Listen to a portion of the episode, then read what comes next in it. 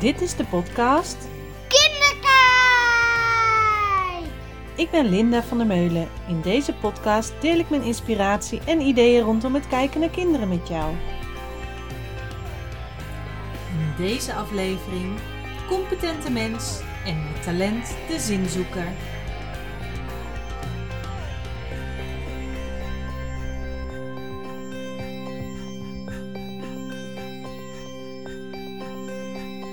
Lieve luisteraar, wat fijn dat je hier weer bent en eh, dat ik weer in jouw oren mag zitten. Deze keer volgens mij een superleuk onderwerp, namelijk niet een standaard onderwerp, maar juist eh, gaat het even over mens zijn. En wel vanuit de pedagogiek van Reggio Emilia, hoe kijken wij met elkaar aan tegen dat mens zijn? Ik heb daarvoor ehm, verschillende reflecties, theorieën, stukken uit boeken, informatie uit studiereizen op een rijtje gezet. Of daar ben ik mee bezig. En daar kwamen deze mooie inzichten uit. Die ik heel graag met je wil delen. Ehm, ik heb een deel hiervan ook besproken tijdens de teamdag bij de buitenkans. Omdat ik het zo mooi vind om steeds weer een nieuw stukje van de pedagogiek te ontmantelen, uit te lichten. Te gaan onderzoeken van hoe werkt dat nou en hoe ehm, zit dat in de praktijk. En ook vooral, wat kunnen we daar dan mee? Nou, vandaag koppel ik het ook aan het talent de zinzoeker. Omdat je, als je je herkent als zinzoeker, um, het heel belangrijk vindt om bepaalde waarden um, te hebben. Dat kan bijvoorbeeld de waarde vriendschap of rechtvaardigheid of uh, respect voor het milieu. Maar het kan ook de waarde zijn um, samen. Bijvoorbeeld dat je uh, heel graag dingen samen met anderen en dat je ervan uitgaat dat mensen samenleven. En daar gaan we vandaag dus uh, mee aan de slag.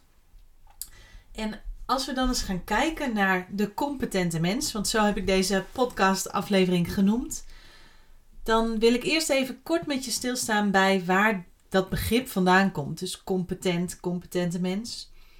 En dat komt vanuit de pedagogiek van Reggio Emilia. Um, ook wel de pedagogiek van het luisteren genoemd of pedagogiek van de hoop. En daar heb je het namelijk over het competente kind. En toen ik al die reflecties en theorieën las, toen besefte ik me eigenlijk, die kinderen zijn een soort van spiegel voor ons volwassenen. Dus voor mij gaat het niet alleen om dat competente kind, maar ook om mens zijn, competent mens zijn. En dat betekent voor mij dat je van alles in huis hebt om jezelf en de wereld te ontdekken. Dat je um, de dingen die je kan doen, zelf mag doen. Maar competent zijn betekent voor mij ook dat je honderdduizend dingen in je hebt. En dat je daarin zelf keuzes maakt van goh, welke focus kies ik? Waar ga ik mee aan de slag? Wat ga ik doen? Wat doe ik wel, wat doe ik niet? En het mooie van mens zijn vind ik zelf dat je altijd onderdeel bent van een groter geheel. Je bent namelijk onderdeel als je klein begint van ehm, je gezin, je familie, je, um, de samenleving, de, de, je dorp of je stad waar je woont. Maar ook van subculturen als binnen een school of binnen een werkplek. Um, maar ook de samenleving, de politiek, verschillende culturen. Uh, je bent onderdeel, altijd onderdeel van een groter geheel. Dus als je kijkt hoe jij als individu binnen dat grote geheel competent kan zijn, dus je zelf kan uiten, uh, zelf een focus kan kiezen, zelf de dingen kan doen die jij wil doen, die jij te doen hebt in dit leven, daar wil ik het vandaag met je over hebben. Van wat zit daar nou achter? Waarom uh, komt dat bij die pedagogiek nou zo naar voren? En dat komt eigenlijk omdat de basis van de pedagogiek van Reggio Emilia, dus de basis van de visie van het stukje 100 talen, competente kind, de drie pedagogen, die basis van leren komt voort uit het sociaal constructivisme. Nou, als je al een beetje bekend bent met de pedagogiek van Reggio Emilia, dan weet je dat die visie is opgebouwd uit heel veel verschillende visies. Na de Tweede Wereldoorlog is Lorenz Malaguzzi aan de slag gegaan om een pedagogiek, om een werkwijze te creëren, uh, passend bij kinderen, toen nog vooral gericht op 0 tot 6 jaar. En toen is hij al die verschillende visies naast elkaar gaan leggen. Dus er zit een stukje in van Maria Montessori, er zit een stukje in van Freinet, van allerlei verschillende visies gericht op opvoeden. Maar als je nou dat helemaal uitkleedt, die hele visie, is de grootste basis het sociaal constructivisme. Dat sociaal constructivisme, het woord zegt het al, gaat ervan uit dat, we ervan, dat wij ervan uitgaan dat kinderen in sociale context leren. Dus dat mensen een sociaal wezen zijn. En constructivisme betekent dat ze leren, dus constructen vormen in hun hoofd, in die sociale context. Dus als je kijkt naar het sociaal constructivisme, betekent dat dat het leerproces een actief proces van kennisverwerving is, waarbij kennis ontstaat en gedeeld wordt in samenwerking met anderen. Dus dat je leert, nieuwe dingen opdoet, kennis opdoet in interactie met anderen. Uh, die kennis ontstaat in interactie. Die kennis uh, beklijft in interactie. Doordat je het met anderen over dingen hebt, krijg je steeds meer informatie. En toen ik deze zin zag, toen dacht ik ook, dat is precies de reden waarom ik deze podcast ben gaan uh, opnemen. Zodat mensen uh, mijn ideeën en mijn strategieën en technieken kunnen beluisteren en daar een, ja, hopelijk iets aan kunnen hebben en daar een stukje verdieping misschien wel in vinden. Als je nou kijkt naar het sociaal constructivisme, dus het leren in interactie met anderen door uh, ideeën en verhalen van anderen aan te horen, dan ga je er ook van uit dat leren een proces is. Proces van kennis construeren. Dus je weet iets en er komt steeds een beetje meer bij. Uh, je, uh, misschien wel ook ideeën de ene kant op of de andere kant op, doordat je met bepaalde groepen mensen aan de slag gaat. Wat ook vanuit die uh, sociaal-constructivistische benadering komt, is de zone van actuele en naaste ontwikkeling. Zodat kinderen leren, um, of je hebt de zone van actuele ontwikkeling waar een kind nu zit in de ontwikkeling. En de zone van naaste ontwikkeling is net dat stapje verder waar je als begeleider in probeert uit te dagen. En eigenlijk komen in dit stuk al die drie pedagogen van de pedagogiek van Reggio in naar voren. Dat kinderen leren van elkaar, van de volwassenen als begeleider en de ruimte als pedagoog. Dus de groepsruimte, de omgeving. Maar dat kan ook je stad zijn waar je woont. Kan ook letterlijk de ruimte zijn. En die volwassenen als begeleider, die daagt dus kinderen uit door de omgeving in te richten of door materialen en activiteiten aan te bieden. Om vanuit die zone van actuele ontwikkeling, dus waar je nu zit in je ontwikkeling, verder te komen. En toen dacht ik, bij volwassenen is dat eigenlijk net zo. Je staat ergens in je leven, je bent ergens mee bezig. En dan is het heel fijn als je iemand hebt, een coach of een vriendin of een collega of een kan ook een wildvreemde zijn die jou een tip geeft of iets aangeeft, waardoor je weer verder kan komen. Nou, als je dan kijkt in onze wereld, op dit moment is de informatievoorziening gigantisch. Vooral tegenwoordig met internet. Nou, als je 20, 30 jaar terugkijkt, was die wereld, zag er heel anders uit. En wij weten op dit moment niet waar we eigenlijk onze kinderen op voorbereiden. En waar wij als volwassenen over tien jaar staan, waar we mee bezig zijn. Ik weet nog dat ik zelf een jaar of nou, 16, 17 was. En dat ik het echt belachelijk vond met die mobiele telefoons. Dat je daar dan foto's mee kon maken. Daar had je toch een fototoestel voor.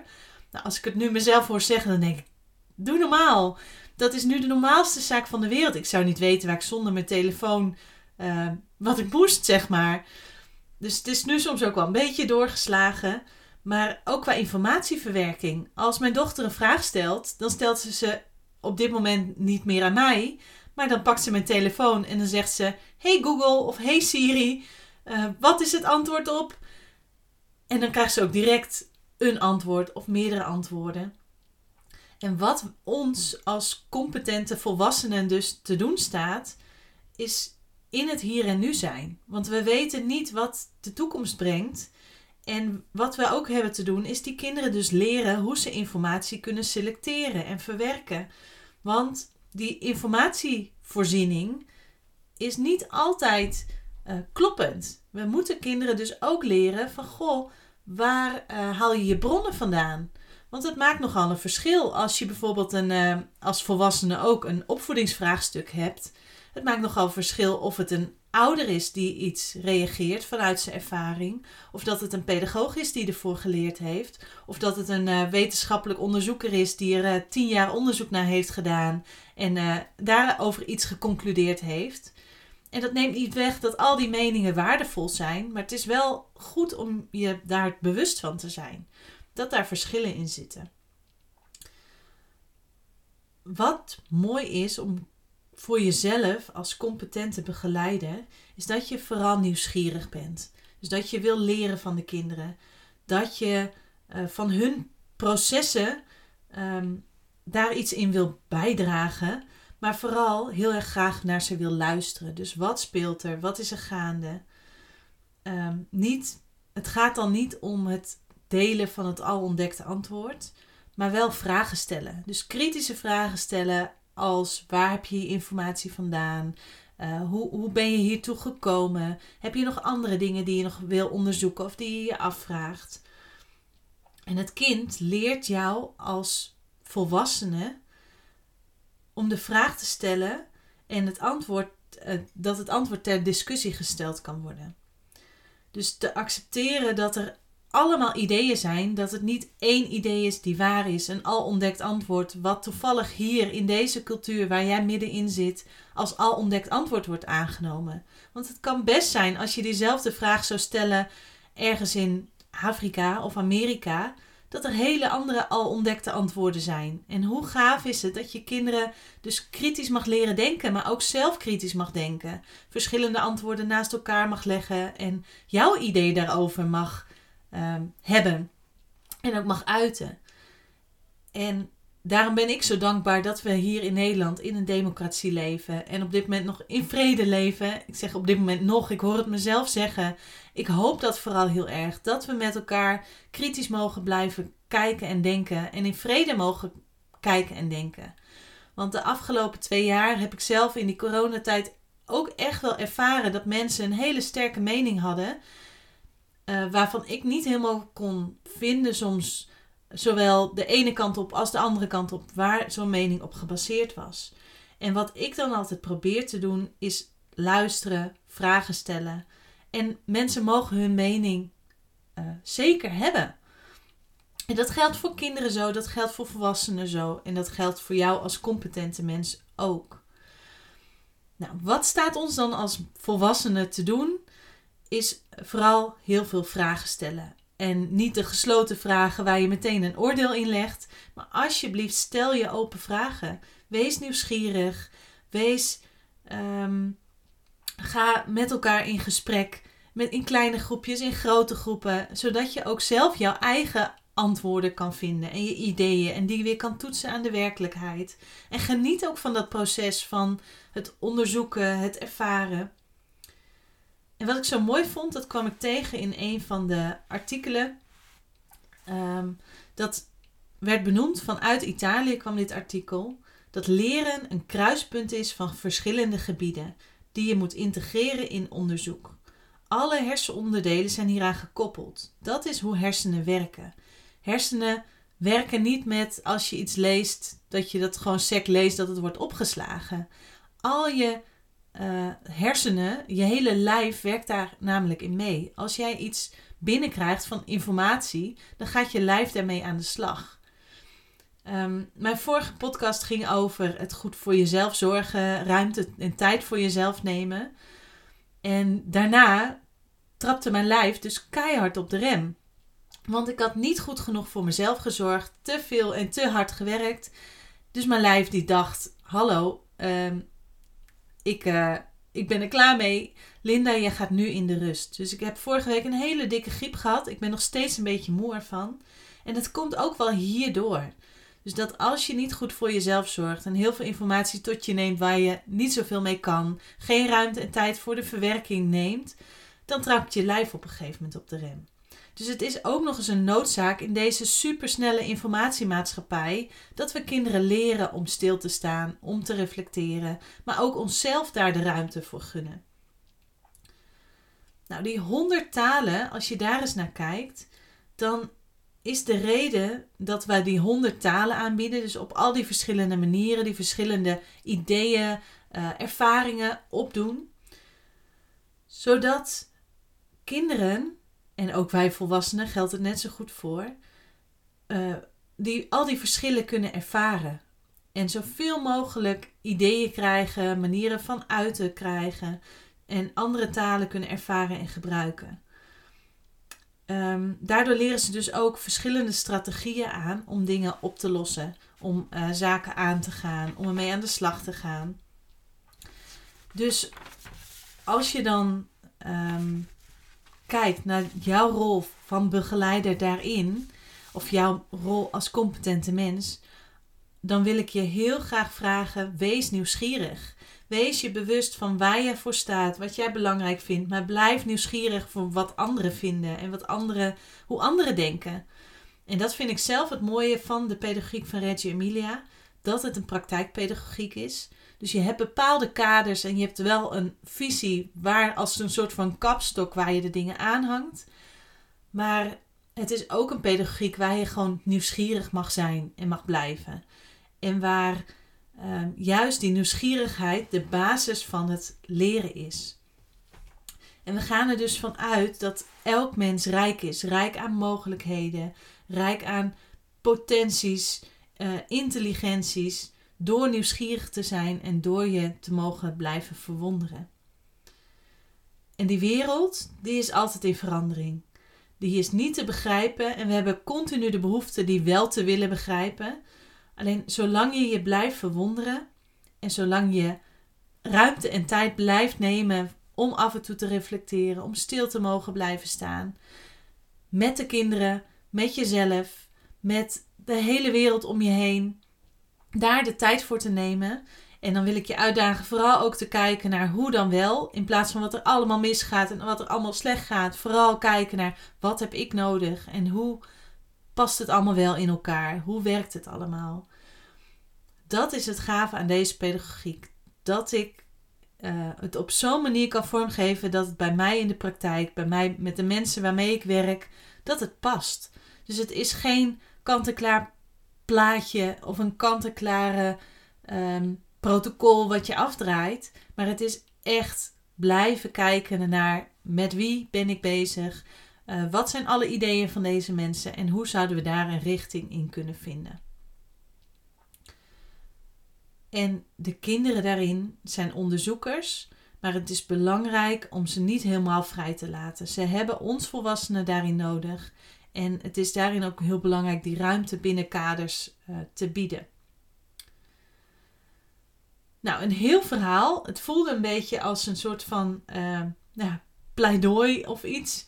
Um, maar ik hoop dat, je, dat ik je hiermee weer wat nieuwe input heb gegeven richting het vinden van je eigen praktijk in de praktijkpedagogiek. Dus een stukje visie, een stukje verdieping om daarmee aan de slag te gaan. En het talent wat daarbij deze keer volgens mij heel mooi bij past, is de zinzoeker. Omdat die zinzoeker dus bepaalde waarden heeft, een bepaalde zin in het leven die hij heel belangrijk vindt. En als je je daarin herkent, dan uh, weet je dus ook wat je belangrijk vindt. En dan blijf je ook daar heel puur bij, al snappen anderen dat soms niet. En je vindt het fijn als je dus anderen om je heen hebt die hetzelfde vinden, hetzelfde belangrijk vinden als jij. Want dat schept een band, dan kun je er samen, uh, zit je op één lijn. En wat dus een uitdaging is voor die zinzoeker, is bewust te zijn dat niet iedereen dezelfde dingen belangrijk vindt als jij. En dat het ook zo mag zijn. Dus een, uh, aan die zinzoeker eigenlijk de boodschap: leg je mening en je ideeën uit aan anderen.